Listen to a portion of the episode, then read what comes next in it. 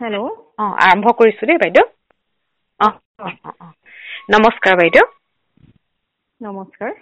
হয় আজি আন্তৰ্জাতিক নাৰী দিৱস উপলক্ষে আমি আপোনাৰ পৰা নাৰীৰ অধিকাৰৰ বিষয়ে অকণমান জানো কওকচোন। হয় নাৰীৰ অধিকাৰ।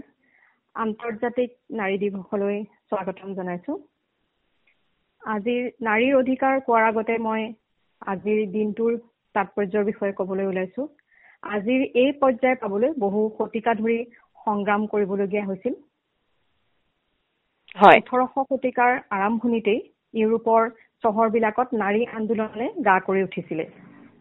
ইউৰোপৰ বিভিন্ন উদ্যোগত নাৰীসকলক শোষণ কৰা হৈছিল পুৰুষতকৈ কম বেতন দিয়া হৈছিল অধিক পৰিশ্ৰম কৰিবলৈ বাধ্য কৰোৱা হৈছিল এই দমনমূলক নীতি ৰোধ কৰিবৰ বাবে মহিলা শ্ৰমিকসকলে চৰকাৰৰ বিৰুদ্ধে আন্দোলন কৰিব লগা হৈছিল। তাৰ ফলশ্ৰুতিতে ঊনৈছশ চৌষষ্ঠি চনৰ আঠ মাৰ্চত প্ৰথম চৰ্ত প্ৰস্তাৱিত হৈছিল নাৰীৰ সমতাৰ অধিকাৰ। হয়। ওঠৰশ এসত্তৰ চনৰ মাৰ্চ মাহত আঠ মাৰ্চত ইউৰোপৰ নাৰীসকলে এটা সন্থা খুলিলে পেৰি কমিউন বুলি। এই সন্থাৰ সহযোগত প্ৰথম বিশ্বযুদ্ধত নিহত লোকসকলক পৰিয়ালবৰ্গৰ মাতৃ পত্নী ভগ্নী কন্যাসকলে ৰাজপথলৈ ওলাই আহি শক্তিশালী আন্দোলন কৰিলে। এই আন্দোলনক সকলো জনসাধাৰণে সমৰ্থন কৰিলে। সেই সময়ৰ মহিলাসকলৰ এই জংগী আন্দোলনে অত্যাচাৰী ৰজা জাৰৰ শাসনৰ ওৰ পেলাবলৈ সক্ষম হৈছিল।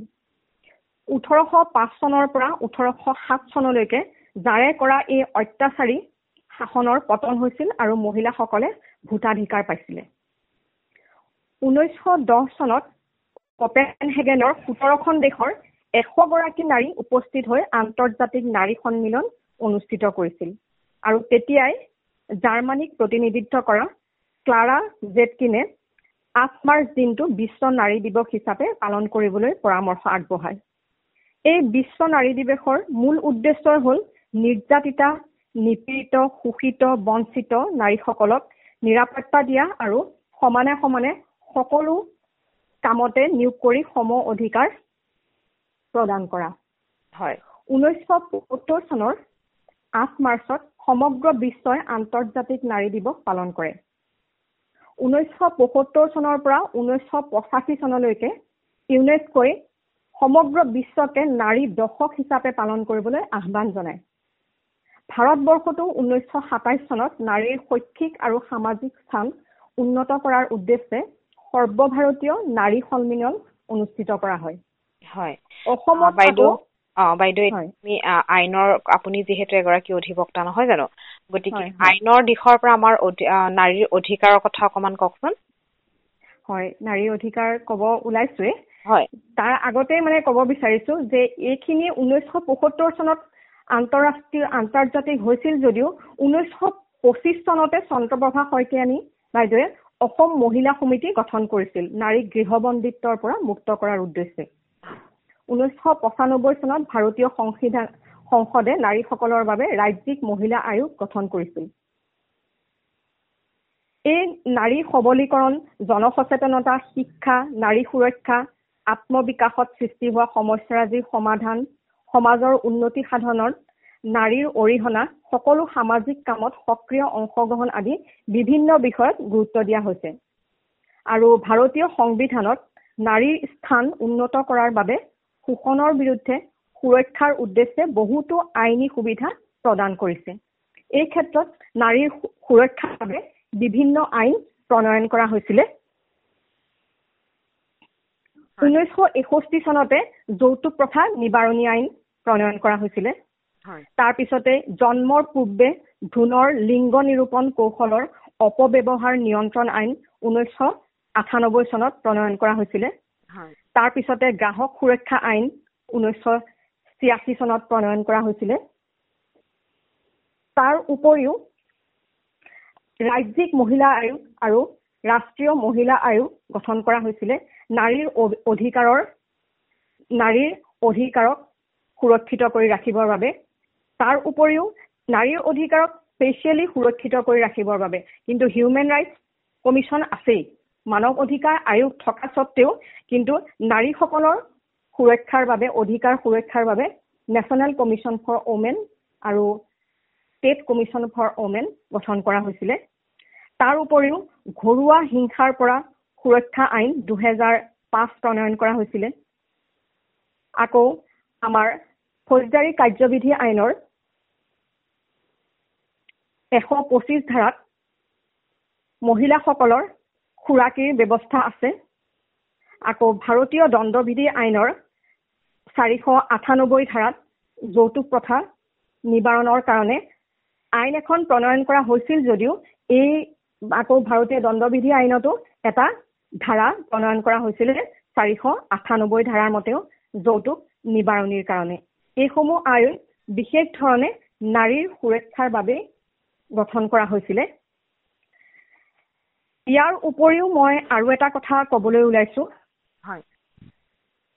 যে নাৰীসকলৰ আৰু শিশুসকলৰ কিছুমান আইন এখন আইন আছে district state legal service authority আছে।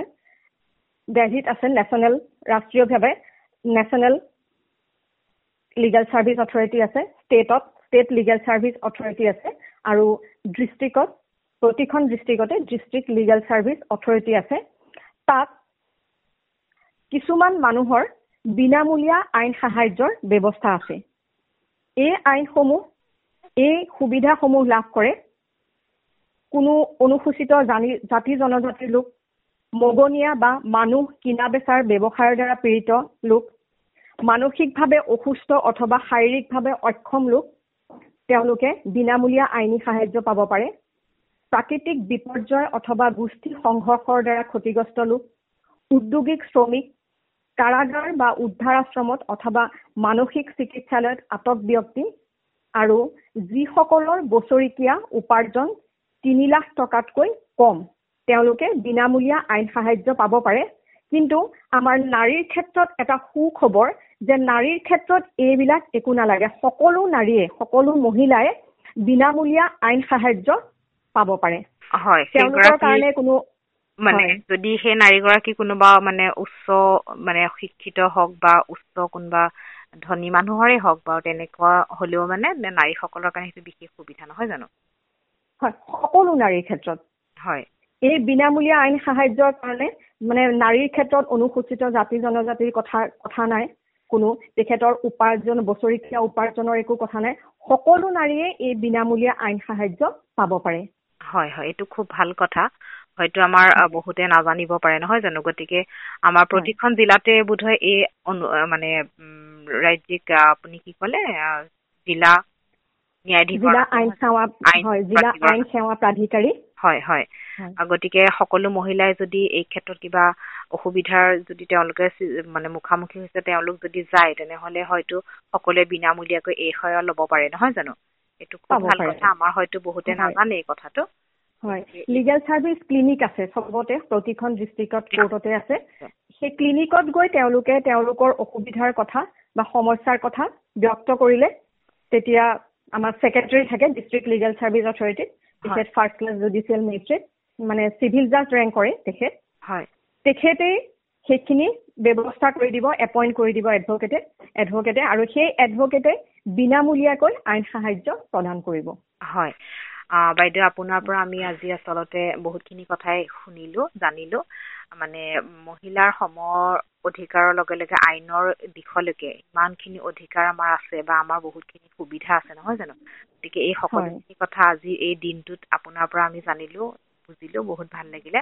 আৰু আপোনালোকো নাৰী দিৱসৰ শুভেচ্ছা জনাইছো। আজিৰ আমি কথা বতৰা আমি ইমানতে সামৰিছো। আগলৈও আমি আপোনাৰ সৈতে কথা পাতিম। আজিৰ কথা বতৰা আমি ইমানতে সামৰিছো। ধন্যবাদ। হয় নমস্কাৰ।